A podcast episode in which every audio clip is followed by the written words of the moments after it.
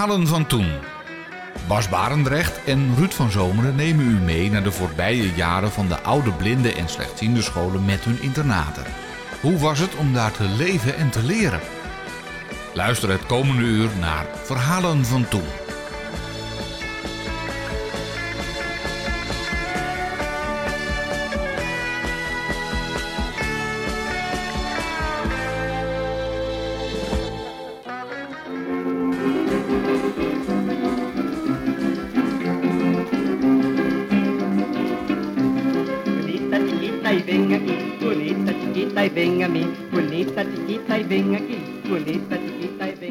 Caraïbische klanken die uitstekend passen bij onze gast van vandaag. De muziek is opgenomen in 1956 en is gecomponeerd en werd uitgevoerd door onze gast van vandaag. Die werd in 1935 op Aruba geboren als Epifanio Florencio Schwengel. Wij kennen hem allemaal als Piet. Want met die namen Epifanio Florencio kon je in het Nederland van 1951, toen Piet naar Graven, naar Blinde Instituut Henricus moest, niet aankomen. Dus werd en bleef het Piet. En wie vroeger wel eens op het Looerf is geweest als revalidant of als bezoeker, die zal hem zeker kennen. Want hij was de eerste die je tegenkwam, zowel aan de telefoon als aan de receptie. Want hij werkte jarenlang bij het Looerf. Piet is nu 79 en niet heel erg gezond meer, helaas. Dat is te horen aan zijn verhaal. Soms komt hij moeilijk uit zijn woorden, maar het verhaal is toch zo mooi en zo aangrijpend dat we het je niet willen onthouden. Ja, en uh, deze opnamen zijn dus afkomstig uit het uh, archief van Piet. En hij heeft er nog veel meer. En we hopen daar nog het een en ander van te kunnen laten horen het komend uur. Luister dus naar het verhaal van Piet Schwengel, of Schwengle, zoals je hier zegt en schrijft.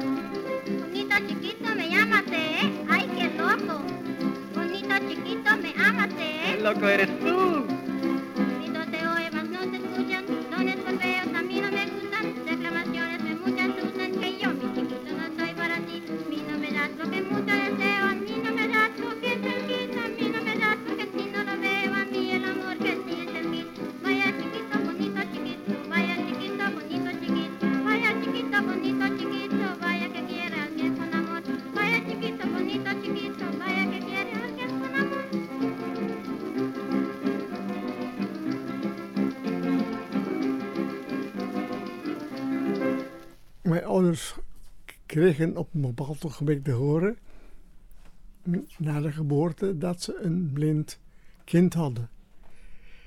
En ja, dat was op zich natuurlijk niet zo erg prettig. We zijn dus op een bepaald ogenblik zijn we naar Curaçao gegaan en daar betere oogartsen waren als op Aruba.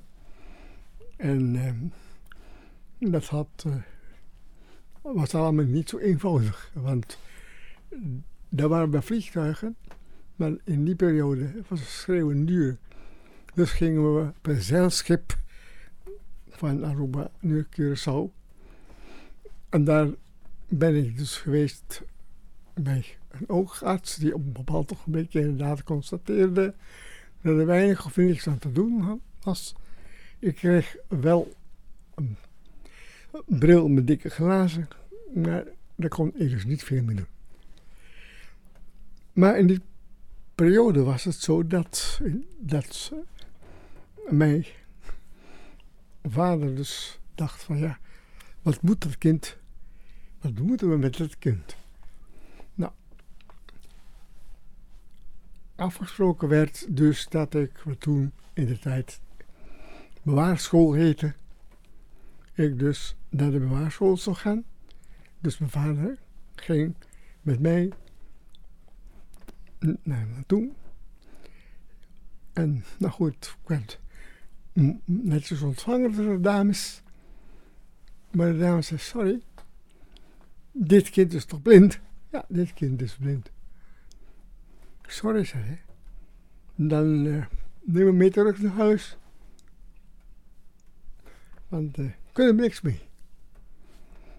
Nou, zei mijn vader, als u nou vertelt dat het kind alles kan behalve zien. Ja, goed, zien heb je nodig. Want dan kan je dit niet, dan kan je dat niet. Er worden feiten opgenoemd die je inderdaad specifiek voorzien. Nou, zei mijn vader, jullie nemen hem. Een periode, lukt het niet, dan gaan we weer terug. Dus ik bleef hetzelfde dorp waar we woonden. Kwam ik dus op die school en, en op een was er een onderwijzeres die toch ergens als een uitdaging uh, vond. En die ging van alles en nog wat voor mij proberen met handen.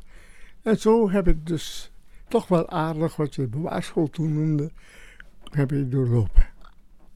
De lagere school, nou kom ik met hetzelfde verhaal. Maar ja, goed, inmiddels uh, waren broeders van de christelijke scholen waren dat. Inmiddels waren we dus eigenlijk ingezeind en uh, hadden waarschijnlijk dus ook contact gehad met de onderwijzeres van, van ja, wat ik de bewaarschool noem. En ik kwam in de eerste klas. En nou goed, ik, het was meer luisteren dan actie, want veel kon ik dus nog niet zien. Ik zag wel een beetje ja, verschil tussen licht en donker, maar dat hield een beetje op. De eerste klas, goed, het, buiten het schrijven en buiten het lezen, heb ik dus gewoon normaal de klas doorlopen. En toen ging dus, overigens, ik moet bij vertellen, dat bijna alle klassen ik gewoon dubbel heb gehad. in die betekenis, dus dat ik gewoon eigenlijk nog een jaartje erbij kreeg. Zodoende heb ik de lagere school bijna dubbel gedaan. Maar goed, dat was gewoon noodzakelijk en dat is achteraf ook gebleken heel goed te zijn. Toen vader ontdekte dus dat ik inderdaad iets meer kon zien. Toen heeft hij uit de Verenigde Staten laten komen van die hele dikke veldpennen. En een enorme ja, lamp. Want met die enorme lamp kon ik op, en op school en thuis kon ik gewoon leren schrijven. In de tweede of de derde klas was het zo dat ik zover was met, met, mijn gezichtsvermogen, uh, dat ik dus gewoon eigenlijk kon schrijven met dat materiaal dat ik had. Mijn vader heeft zelf een bepaalde van het vader die namelijk ontzettend veel voor me op dat gebied.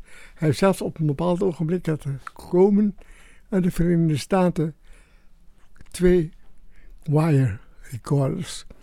De wire recorders is uh, voorloper van de cassette of de bandrecorder. Dat werkte namelijk met draad. En die zat op een spoel. En dan spoel je van de ene spoel naar de andere spoel. En zo nam ik dus tot en met de zesde klas aan toe, nam ik de lessen op. En kon ik dus thuis afhoren. En zo kon ik dus ook alles in zekere zin leren. Ik heb dus eigenlijk luisterend geleerd en kijkend geleerd in die betekenis kijkend, dat ik dus ja, ook eh, ja, sommen en uh, het lezen op school kon ik dus niet, want daar las ik te, te langzaam voor, omdat het gezichtsvermogen toch niet dusdanig was dat ik, uh, nou ja, mijn ogen te veel mocht forceren. Ik had een Nederlands onderwijs gekregen en dat was in de tijd was het zo de eilanden die kregen uh, alles in het Nederlands. Nu op dit ogenblik is het uh, in, in een, land, landstaal soms in het Engels. Maar toen was het dus in het Nederlands. Nou, het dichtstbijzijnde zou zijn, want dat was een instituut in Caracas. Daar zou het dichtstbijzijnde zijn. En het zou geen probleem geweest zijn, want dan zou ik uh, eigenlijk Spaans moeten leren. Nou ja, het papierwinter ligt naast het Spaans zo'n beetje. Dus dat zou geen ramp geweest zijn. Mijn vader koos er niet voor, want toen in die periode, dat was direct na de oorlog en zo, of tijdens de oorlog, was zo dat ehm, daar eh, ja, geregeld persistenswisselingen waren. Zodat uh, nou ja, de ene dag uh, stond men te juichen en de andere dag verschool men zich voor een mitrailleur. Dus heel Venezuela was toen nog ja, maar, rustig labiel. Noord-Amerika vond hij dus op geen optie, omdat hij zegt: Oké, je hebt een Nederlandse opleiding gehad, ze hebben alles in het Nederlands gedaan. En in Noord-Amerika zo helemaal of over moeten gaan op Engels. Hij zegt dat uh, zou wel kunnen, maar uh, ik, hij verkoos voor Nederland wel om deze reden. Had geïnformeerd dus in Nederland en hij had uh, alle, zo'n beetje alle instituten aangeschreven.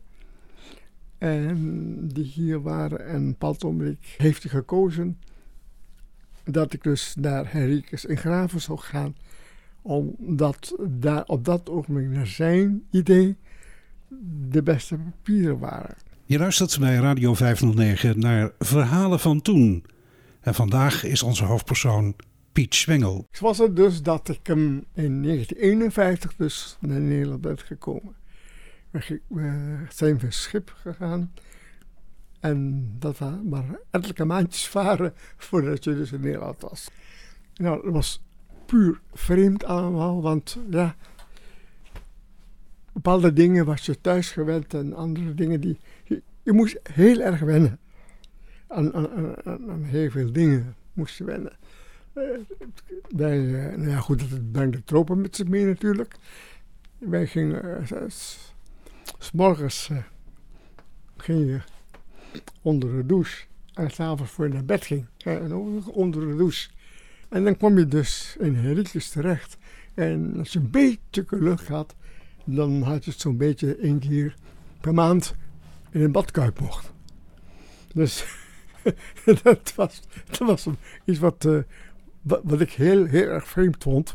Omdat uh, ja, Nederland was altijd vooruitstrevend voorgesteld aan ons. En dat was wel halla, als je het moest geloven. Dus dat viel mij lelijk tegen. En aangezien ik dus ja, de, gewoonte had om toch wel op mijn manier proper op mezelf te zijn, gebeurde het wel eens meer dat ik dus gewoon eigenlijk gewoon... Eh, eh, maar je had een, eh, een, een, een, kamer en ja, eigenlijk ben ik een houten hok. Maar goed, oké. En er werd één keer per dag werd er um, een tijl met water neergezet. Nou, dus op pad ik de kraan te vinden. Dus ik, ik ging meer een klein beetje hier op mijn gezicht mee wassen. Maar ik had een, uh, in Nijmegen woonde een achterneef van mij. Zijn vrouw en zijn kinderen. En die had ik op pad ook weer ontmoet. En ik vertelde dat zo. Hij zei, ja, maar kijk, die druk. Kom, uh, en ik zaterdag ons toe, we hebben een douche. zo gezegd, zo gedaan. Ik ging dus daar. En ik was, eh, was ik aan de Koning te Rijk. En dat vond ik ook heel erg, dat, dat laten we zeggen, een, een, een land wat dus, heb ik dus ver, uh, verteld werd, dat het toch wel vooruitstrevend was. Dat het meeste eenvoudige dingen, die eigenlijk toch acht, veel, uh, ja, achterliep is niet het juiste woord. Misschien, dank, misschien omdat er een oorlog geweest is, dat op een ook inderdaad bepaalde dingen zijn blijven stilstaan. Dat zijn eigenlijk de dingen die mij eigenlijk verwondert. Ik heb uh, in Henricus heb ik uh, een goede tijd gehad. Ik begon dus toen ik kwam met breien te leren. En dat ging vrij makkelijk. En het, uh, ik zei het ook wel een, ja, een vlotte leer geweest te zijn. En in Henricus ben ik op ogenblik ook... Uh, daar, daar, stonden meerdere piano's tot de vleugel naartoe. Dus de, daar ben ik dus, dus begon ik een beetje gaan pingelen. Ja, opstonding. En toen hoorde ik dat de muziekles die kon halen, althans bij een eh, meneer heette Ex- Extreme, die man geloof ik, ja. Dus ik vraag vroeg of ik eh, pianoles wil halen. En was alleen gewend met de muziek van thuis. Dus de wals en de toembas en eh, noem, noem eens maar op, wel mogelijke ritme. Dus ik ging dus naar pianoles. De eerste keer dat ik met een goede band kwam, nou, ik stelde me voor. Hij stelde zich ook voor, ik mocht gaan zitten. Hij ging achter de piano zitten en hij ging het instrument even uitleggen. En hij ging op een bepaald ogenblik een stuk voorspelen. Ik moest alleen maar luisteren. En een keer erop ben ik bij hem gekomen. En, en dan nog zou ik de eerste les gaan krijgen. En toen werd ik onderricht over Bach enzovoort enzovoort. En die keer erop kwam ik weer. En hij zei hij zegt, geloof niet dat eh, jij muzikaal bent. Ik zei, nou, u zegt het. Hij zei, ja, hij zegt, want eh, je hebt geen enkel interesse getoond als ik voor jou die mooie muziek voorspeelt. Ik zei, ja, kan. Ik zei, nou, oké, prima. Ik ben, gegaan, ik ben nooit naar de les gegaan.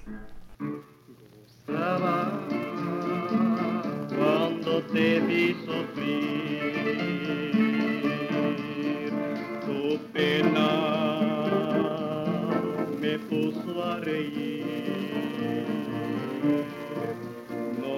importaba tus gritos por mí. Pero ahora sufro contigo porque sé que yo, yo, solo yo,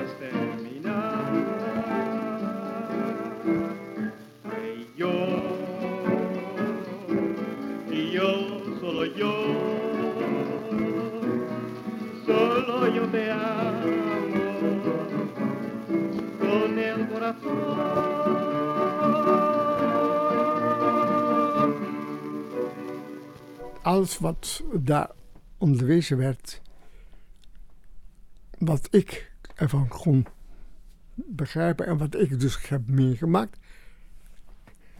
dat was gewoon goed.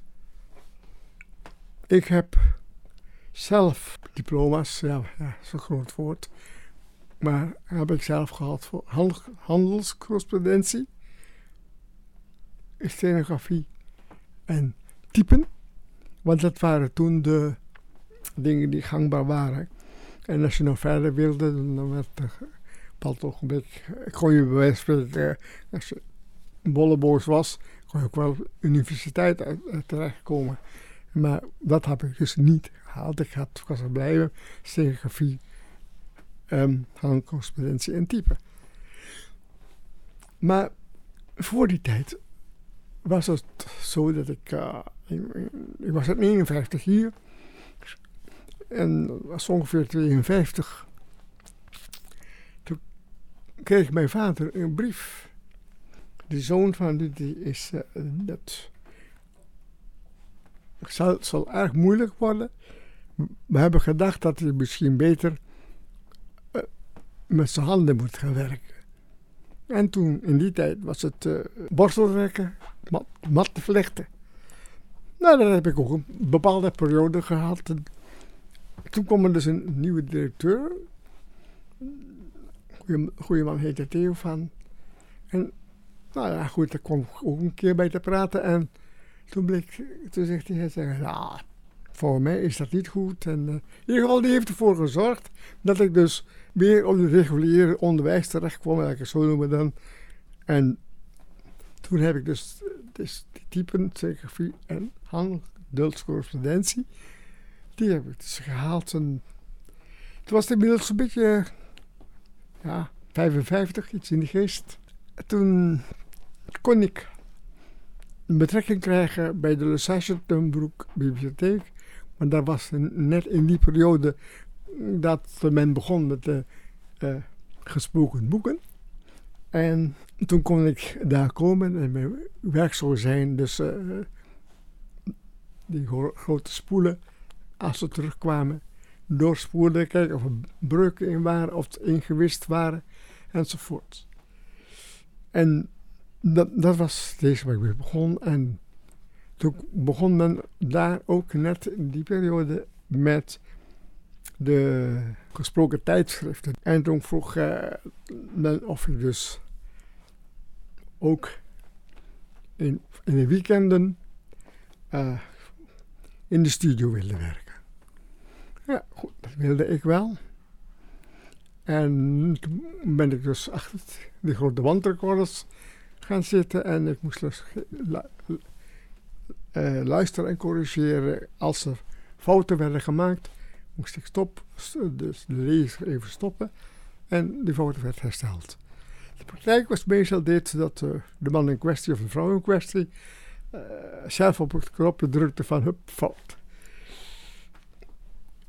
Dat heb ik dus een, een jaar of vijf gedaan, zo'n beetje. Nou, terugkomend op, eh, op Henriques. Ik heb dus toen ik dus ging werken in 55 dat is een tijd geleden, jongen. Toen kon ik dus niet meer intern blijven. Er werd een kosthuis voor me gezocht. En daar heb ik dus in, in, Graven zelf, uh, in die loop van de jaren, gewoon vijf jaar waren dat, twee kosthuizen gehaald. Allebei, ja. Ja, wel, toch wel, naar mijn zin. En mijn ouders waren dus in 51 teruggegaan. En op een bepaald ogenblik had in ieder geval mee. Mijn moeder een klein beetje meer geheim mee. Want ik ben namelijk in, uh, in 55 teruggegaan met vakantie. En daar heb ik dus op een bepaald ogenblik dus... En ja, samen met vader en een paar andere mensen maar ik, maar ik deed dat programma. Heb ik dus uh, een uur lang voor de radio heb ik dus een programma gehad.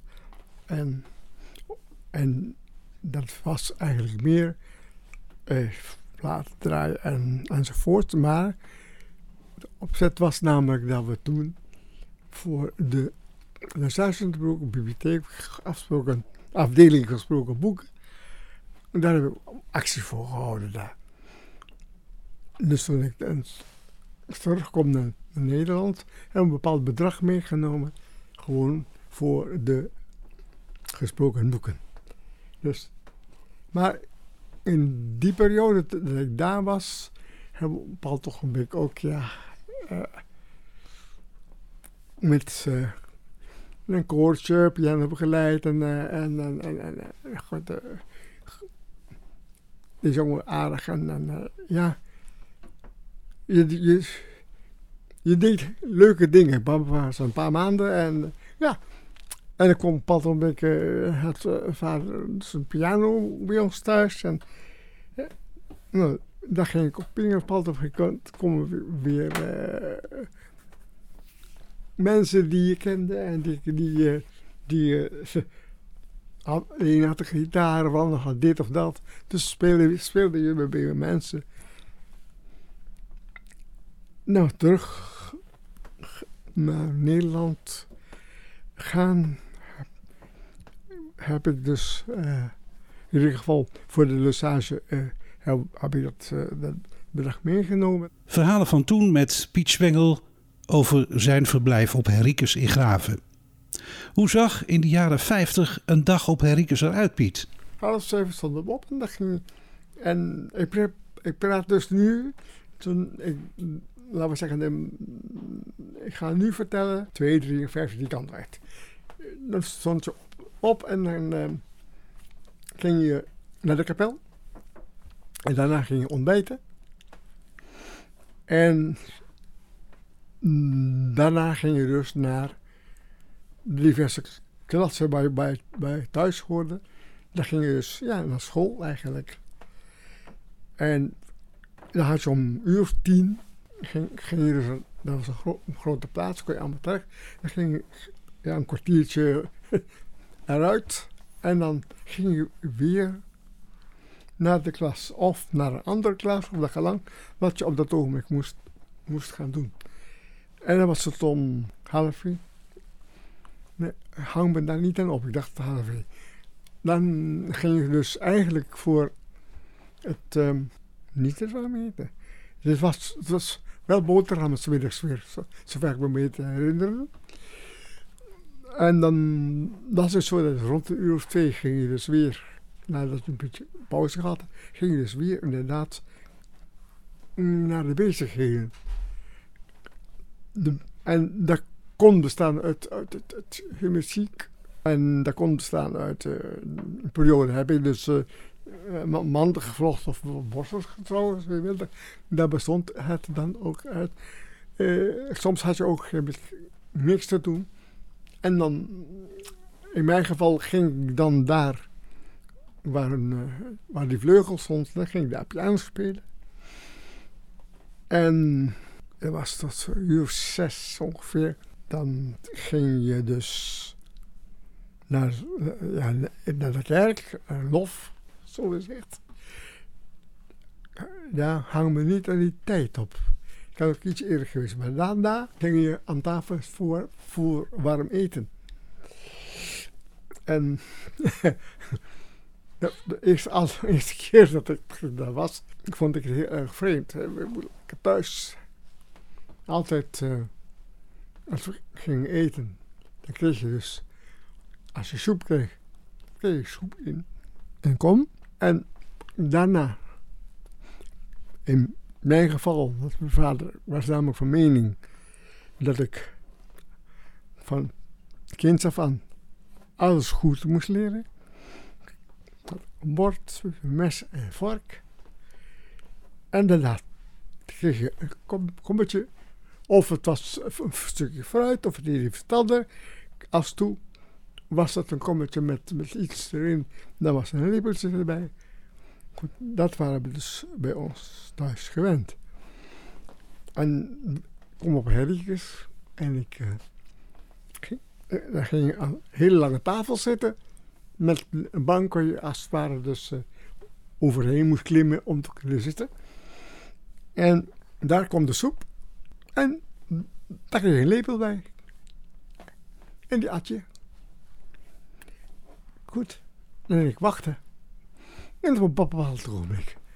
Huppakee. Dan komt een eh, stukje vis gesneden wel. Of ja, of vlees, naar gelang.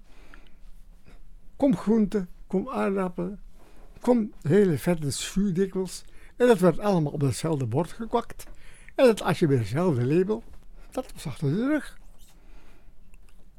En toen kwam de pudding in welke vorm dan ook, chocola, en dan moet het maar op, in hetzelfde bord, met hetzelfde label. Dus ik vond het super vreemd, dus ik gelijk vragen gesteld van of het altijd zo ging. ik kreeg geen antwoord van, oh, ben jij dan uh, van uh, Rekkelui? Alleen maar Rekkelui hebben dat. Ja, en in die periode, uh, ja, het was een, pakweg één of twee jaar in Nederland ben, ken je, de, ja, je, kent je Nederlands wel, maar ze zeggen geen plat Brabants. Dus daar, had ik eventjes een klein beetje moeilijk, moeite mee. Maar goed, uh, later bleek dat het uh, allemaal zo was. Want als je bij, bij vrienden kwam, in, in, vakantie ging ik wel eens met iemand mee. Een vriend van mij die woont nog steeds in, in Une. En, daar komen we nog steeds. En bleek dat bij hun thuis exact hetzelfde ging. Het was ook allemaal uh, alles bij hun was het in een grote pot. En, en, daar zat je van te eten. Dus dat was eigenlijk een beetje teleurstellende kennismaking, kennismaking met het, het wat mij toen voorgesteld was vooruitschreven naar Nederland. Maar goed, later is het allemaal beter geworden, want ook heb ik de bewuste Theo van als directeur. En die vond op een bepaald ogenblik dat de groep boven de 18 jaar, dat hij een apartkamer kreeg, een uh, eetkamer kreeg. En daar werd dus met een, soms met een glaasje wijn en soms niet, dan gaf aan. Maar met je mes en je vork en je leven, alles correct zoals gedekt hoort te worden. Dat had je gegeten en, en overal werd van tevoren en daarna gebed. Was klaar met, uh, met, uh, met, met eten en dan had je even even vrij. En dan was het in de, in de periode, daar praat ik dus iets van uh, 354, had je vrij veel hoogspelen over de radio. Dus s'avonds had je dus dinsdag, zat je te luisteren naar de dinsdagavondboot, nee, showboot of iets dergelijks. Ik weet het dan niet meer. In ieder geval, en donderdag had je dus de de, de, de, de science fiction spelen. En daar bracht je zo'n beetje je avond, de mogelijkheid was er dat je eh, nou ja, wat kon dammen en wat kon schaken. En, en, en je kon ook, het was een behoorlijk grote plaats, je kon ook naar buiten toe eh, in die plaatsen. Daar kon je, deden er meer. En, en toen, toen, ik heb ook daar op een bepaald ook op zo'n fiets gezeten. En uh, ach, je kon je vermaken met alle mogelijke soorten dingen. Het enige wat niet kon, is eruit. Maar goed, uh, er was ook een behoorlijk groot tuin achter. En met fruitbomen, met andere soorten bomen. En daar mocht je, mocht je ook in, in wandelen. Dus er werd dat deden we heel graag, althans. Ik had daar een, ja, ja, ik had één goede vriend. Dat was Henk Schumans, maar die is veel te vroeg gestorven. Maar goed, daar ging ik heel dikwijls mee wandelen. Daar ging ik ook heel dik, daar bepraat ik ook heel veel dingen mee. En uh, van Henk heb ik ook, uh, die kwam uit Limburg vandaan. Die kom, daar heb ik ook heel veel dingen beter leren begrijpen. Want één ding wat dat niet, als je buiten het patroon viel, dan nam men niet veel moeite de leerlingen niet en de leiding niet. Niet veel moeite om, om je dus iets uit te leggen. Dan moet ik wel direct zeggen, toen Theo van kwam, toen kreeg de verandering.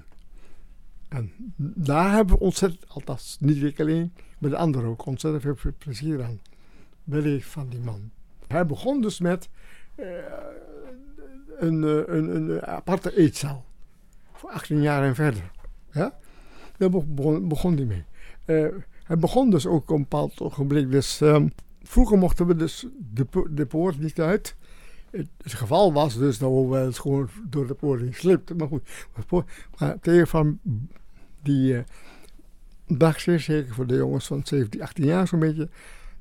Je mocht eh, zaterdagmiddag mocht je de stad in. En je mocht ook een cafeetje gaan opzoeken. En je mocht ook gaan dansen als er dansen was in de stad.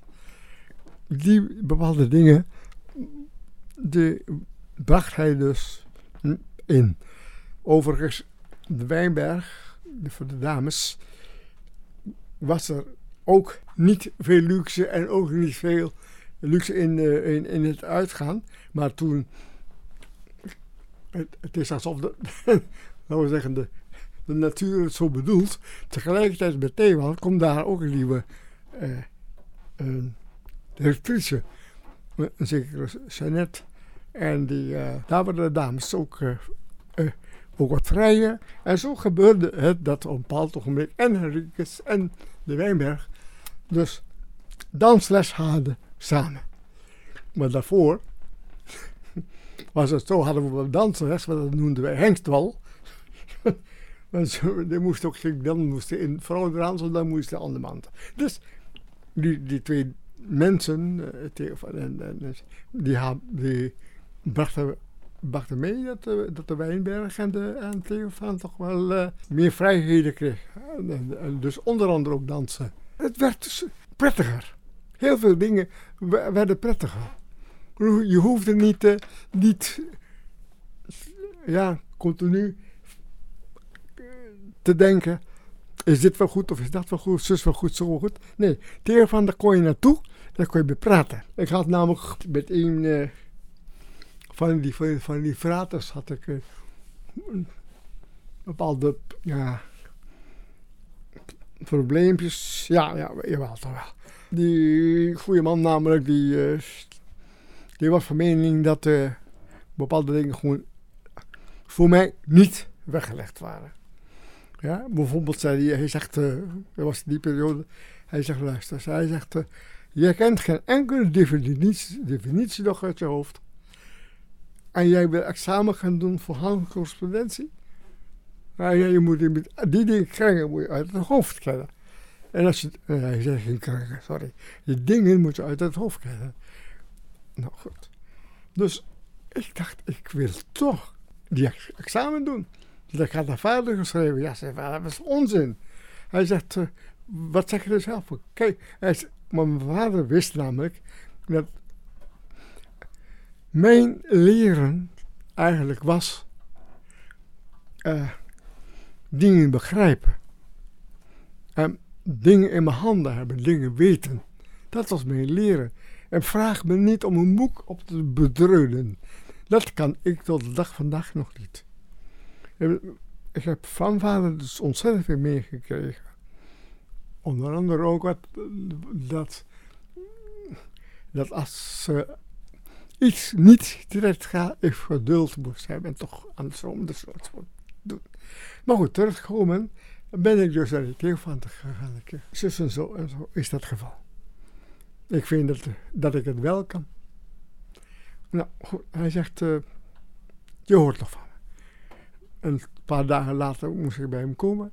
Hij zegt, jij gaat gewoon dat examen. Zak je? Dan hebben we het geprobeerd. Hij zegt, slaag je? Dan hebben we ook geprobeerd. Hij zegt, eh, jij doet het gewoon. Ik zeg, en eh, hoe is het dan met... eh, die man heet Adrian. Ik zeg, hoe is het dan met Van Adrian? Hij zegt tegen Van Adrian gezegd dat hij al alle medewerking moest geven. We zouden morgens zouden we stenografie en typen doen. En smiddags handelscorrespondentie. Dus, ja, stenografie en typen, dat ging goed. Klaar. Smiddags handcorrespondentie. En nou, de jongens gingen dus naar binnen, naar buiten. De, nou goed, de ene lachen, de andere niet lachen. En ik was dus aan de beurt. En ik ga zitten. Geef die meneer. Oh nee, ik stond. Geef de heer een hand. Ik stel me voor. Dat is een jongeman. En, oh, die is een oud, nee, oudere heer, zo moet ik eigenlijk zeggen, en een jongere man. En toen zegt die oudere heer Zwengel. Hij zegt, onbekend hier in Nederland, hè. Hij zegt, ehm, ken je op Aruba een meester Koopmans? Ik zeg, ja. Ik zeg, daar heb ik les van gehad. Daar heb ik bij in de vijfde klas gezeten. Ja, ja. En die zit goed. Ik zeg, ja. Oh, hij zegt, eh, dat is een broer van me. Ik zeg, oh, gefeliciteerd. Ik dacht, nou, je hebt je niet voor Skopas voorgesteld. Maar goed, daar heb ik niet gevraagd, want, het was mijn, mijn zaak verder niet. Goed. Nou, dus die man die stelt de vragen, de definities en weet ik veel. En ik geef me antwoord. Precies zoals ik het geleerd heb. En hij vraagt ander, ander, ander. Pas toch hoorde die jonge man eindelijk eens die de stof kent. En ik was er door was, ik was gewoon door. Door een paar woorden van die man. Eindelijk eentje die de stof kent. Ik heb daar straks geloof ik gehad over, over dat weet ik niet meer zeker, maar als zo niet, dan zal ik het al nu vertellen. Maar ik dacht dat ik dat straks iets verteld heb, dat we één keer per jaar zo'n beetje op... Uh, en dat was meestal op de naamdag van de vader die de leiding had, lekker zo zeggen dan. Uh, en dan hadden we dus een revuutje en dan maakten we dus uh, alle mogelijke soorten tekstjes. En we bezongen elkaar. Zo is het. En we hadden een bepaald ogenblik, dus ja goed, dat stond dus meeste, meeste melodieën daarvan maakte ik en de meeste teksten maakten de andere mensen. Het punt is dus het, hele gebeuren op zich. Ja? Dat je dus, dus daar een band dus elkaar zit te bezingen.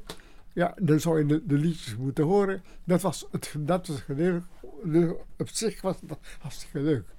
Maar dat hadden we een paar keer gedaan. En toen hadden we het plan opgepakt om dus een revue in elkaar te timmeren. Nou, dat ging picobello. En nou goed, ik had uh, al de jongens om me heen die me gingen helpen. Zoals uh, Rijk bijvoorbeeld, uh, ja, film. En nog een paar van die mensen die Kees, Kees, Kees, Kees, Kees, Kees meneer. En, en, die meneer, waren trompetisten. Al die jongens onder elkaar zo'n beetje, ja, iedereen speelde wat. En uh, we de revue in elkaar gezet. En daar heb ik enorme beestenwerk aan gehad. Maar op een bepaald ogenblik ging het als een trein lopen. Toen was het zo dat de algemene leiding, althans even een beetje de, leiding een beetje had, die kwam op een bepaald uh, naar ons toe. Hij zei, hé, hey, dat gaat lekker jongens. Prima. Hij zegt, oké, hij zegt... Uh, nou, dat, hoe doen we dit? Hoe zo, zo. En toen komt de dag dat we gingen, de uitvoering ging. En uh, toen was de algemene leiding en het hele wat gebeurde, kwam keurig op zijn naam te staan. Dus in plaats dat, dat ik, die eigenlijk het leeuwwerk had gedaan, genoemd werd, nee, werd uh, hij, hij dus als het, het ware, als de persoon die dus alles eigenlijk georganiseerd had en alles verzorgd had. vond, op dat ogenblik was ik er een beetje boos, daar gaat het niet om. Maar eigenlijk achteraf vond ik dat wel leuk. Dat is een van de dingen waarvan ik zeg, ja, dat gebeurde. Men, men, men, nam, men nam gewoon de heft uit handen op het ogenblik dat het liep. En als, als, als iets dus niet liep, dan hadden ze geen schuld, hè. Maar dat hadden de, de, dat, de, de leerlingen gedaan. Er is een halve gare, Jopie is zijn naam. Met hem komt geen paren, Veldhoven is zijn naam. Hij vrijt graag met een grietje, dat is voor hem geen sport. Met Bea, lief Marietje, nog eens een maand voor kort. Adio, adio, hij loopt met duizend grietjes te kop. Adio,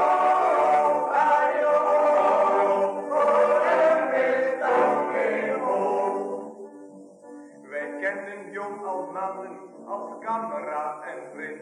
Hij vrijt met alle tanden, met ieder aardig kind. Hij gaat hem gaarne dansen, de dansvloer lokt hem aan. Dan ziet hij dikwijls kansen om in een hoekje te gaan staan.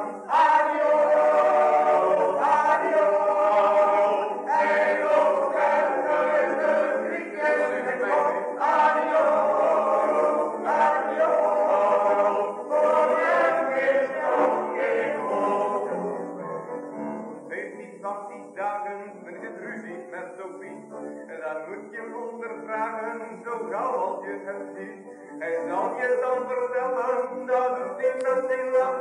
Ik zal die griet toch bellen, al zegt hij dat het niet mag. Adio, adio, hij loopt met duizend grietjes te kop. Adio, adio, voor hem is dan geen Ja, natuurlijk blijven bepaalde dingen in het leven waarvan je zegt van... eh, ja, eh, op dit ogenblik is het zo dat ik eh, eigenlijk op deze leeftijd misschien wel de gezondheid van tien jaar geleden zou willen hebben, of twintig jaar geleden. Dat, dat lukt dus niet meer. Ja. Maar, maar om te zeggen van, van ik, ik, eh, nee, ik heb een prima leven gehad. Zonder meer. Ik ben, het is begonnen met mijn vader. Ja? Mijn vader heeft echt ja, een, een, poes. En Dat was namelijk geen bestudeerde man. Het was een man die zo in de, in de olieraffinaderij zijn brood verdiende. Met eh, gewoon op zijn boortoren. Hij is, hij is geklommen tot, eh, tot voorman. En verder is de goede man dus niet gekomen. En die goede man die was wel dusdanig capabel om op een bepaald ogenblik, toen hij ontdekte dat hij een blind kind had, en toen hij ontdekte op ogenblik dat er iets anders moest gebeuren met het blinde kind dan wat toen op Aruba gebeurde, namelijk, oh, een gehandicapt kind, in welke vorm dan ook, zoek een schuurtje, stop dat kind erin en als dat kind kan, gitaar spelen, zet hem dan eh, op de straat, laat hem gitaar spelen. En, maar dit kind heeft dankzij die man wiens scholing miniem was, maar wiens overtuiging en wiens eh, wijsheid toch wel enorm was, ben ik dus hier gekomen. En tot waar ik nu ben. Dat heb ik volledig aan hem te danken. Ja, om die man, de man dat heeft een ja, ja, op een bepaald ogenblik is het zo dat hij is dus in, in 1958, 59 zijn ze verhuisd naar Nederland. Dat heb ik er straks even aangetipt. Mijn moeder kreeg een beetje heimwee, maar mijn vader die heeft zijn merk opgezegd daar. En die zijn in Kuik gekomen wonen en die is bij de typemachinefabriek Royal Baby. Dat ze daar begonnen, een maandje gehad. En iemand heeft helaas maar 64,5 jaar gehaald. Maar goed, dat is terzijde. Ik heb nog een bepaald ogenblik een vrouw van mijn leven ontmoet. En de, de, die twee mensen hebben één ding met elkaar gemeen. Toen zei mijn vader, kleine mijn vader, haar alsof er een vonk oversloeg. En eh, als ik zeg dat eigenlijk dat wat mijn vader bezielde in mijn vrouw zit, precies hetzelfde. En dankzij die twee, mensen die eigenlijk in elkaar bijna in mijn gedachten elkaars verlenging zijn, ben ik wat ik ben.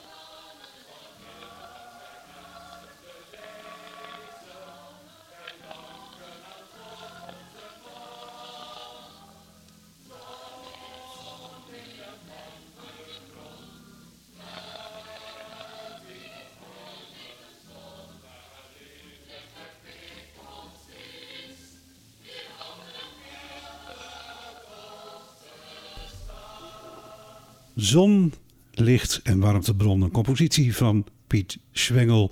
eh, uitgevoerd door een koor, Polyminia. Ik neem aan dat dat ook een koor was van eh Henricus, maar dat vermeldt het verhaal niet. En hiermee zijn we dan aan het einde gekomen van deze aflevering van Verhalen van Toen. Dank voor het luisteren. Tot de volgende keer. Dag.